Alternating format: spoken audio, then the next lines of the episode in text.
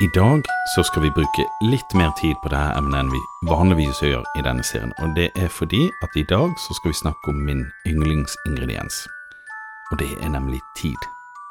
Når jeg var en liten gutt, så jobbet min far på et bakeri i Solensviken rett over broen fra Nygårdsparken. Meg og brødrene mine vi vokste opp bak i brødbilen som han kjørte, og jeg tenker at hele gaten hjemme har vel sittet bak i den brødbilen på et eller annet tidspunkt. Fordi at å være en mann med brødbil på den tiden, det gjorde at min far ble dratt inn i alle slags mulige aktiviteter. Kjørte unger, instrumenter og flyttelass på kryss og tvers av hele kommunen. Det beste vi visste var å besøke bakeriet, og ikke bare av alle bollene, men også få være med pappaen vår. Men etter å ha lekt rundt på bakeriet og snakket med alle de rare bakerne som jobbet der, så begynte vi etter hvert å få med oss litt av det som skjedde, og noen av oss endte faktisk opp med å kjøre brødbil i sommerferiene og jobbe på bakeri i helgene. Det var veldig spennende, men også litt trist, for på 80-tallet så ble vi vitne til et hamskifte i bakerinæringen. Den bergenske bakertradisjonen den var i en særstilling i forhold til resten av landet.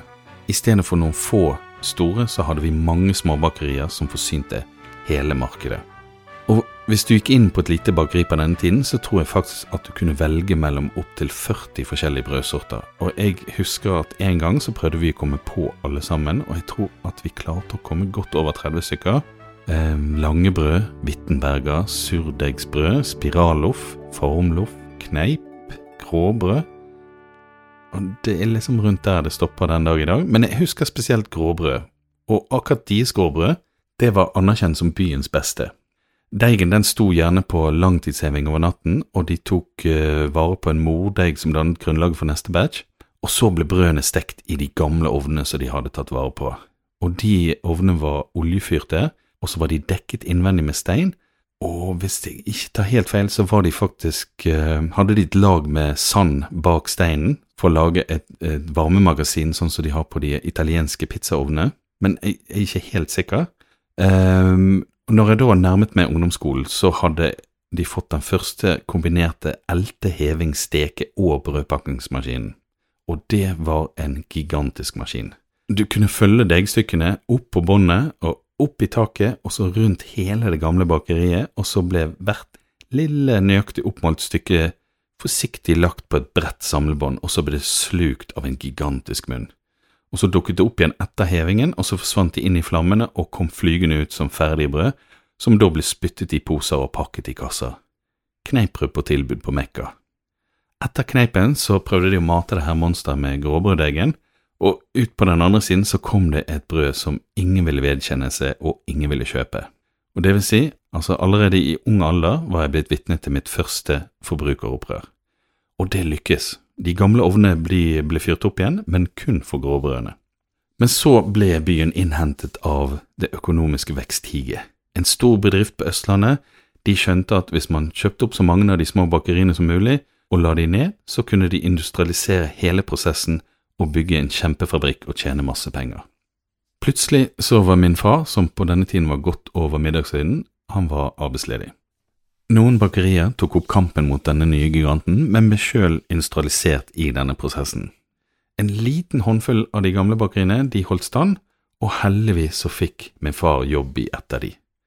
Av disse småbakeriene så husker jeg spesielt godt eh, Møhlenpris bakeri, som lå like i nærheten av inngangen til Hulen, som nå selvfølgelig ligger under Nygårdsparken, det bakeriet var til stor glede for meg og alle de andre som bodde på Nygårdshøyden og Møhlenpris på 90-tallet, men som nesten alle de andre av sin sort, så døde de dessverre ut med den siste bakeren.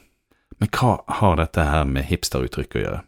Jo, på midten av 80-tallet så startet et annet forbrukeropprør.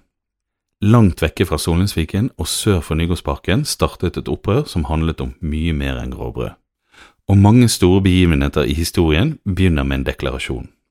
Og denne deklarasjonen, det var en protest mot at McDonald's skulle åpne en fastfood-restaurant like ved de spanske trappene i Roma.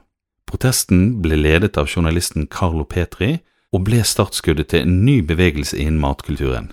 Som alle store revolusjoner så spredte han seg fort over landegrensene, og i 1989 så kom delegater fra hele 15 land sammen i Paris for å signere det som kom til å bli det store Slow Food-manifestet. Og slow food det er ikke bare et av mange uttrykk eh, som beskriver en trend eller et konsept. Slow food det er sjelen og starten på kapittelet som handler om bevisstgjøring rundt hva industrialisering av mat har gjort, ikke bare mot håndverkstradisjonene våre, men også innholdet i den maten som vi spiser i dag. Slow food omfavner alle de positive aspektene med matkulturen som også klimabevegelsen er interessert i. Tradisjon og håndverk, lokale råvarer, bærekraftig jordbruk, matsvinn og sosial gastronomi. Slowfood-bevegelsen har fått litt kritikk for at de ikke har tatt opp i seg problemet med hvordan vi ellers skal klare å fø en stadig voksende befolkning, og på et mer sosioøkonomisk plan har de blitt beskyldt for å være elitistiske. Er dette i likhet med mange av de andre gastronomiske trendene en hobby for eliten med fristilte yrker, som nettopp allerede er frigjort fra hverdagens knapphet på stunder? Er vi som hele tiden er for seint ute til å rekke noe mellom jobb, oppdragelse og andre forpliktelser, er vi dømt til å spise industrialisert søppelmat til evig tid? Hadde vi fått en bedre verden hvis vi kjøpte mer mat fra lokale håndverksbedrifter og bønder og brukte litt mindre penger på oppussing, hytter og biler som tar altfor mye plass på parkeringsplassen utenfor supermarkedet?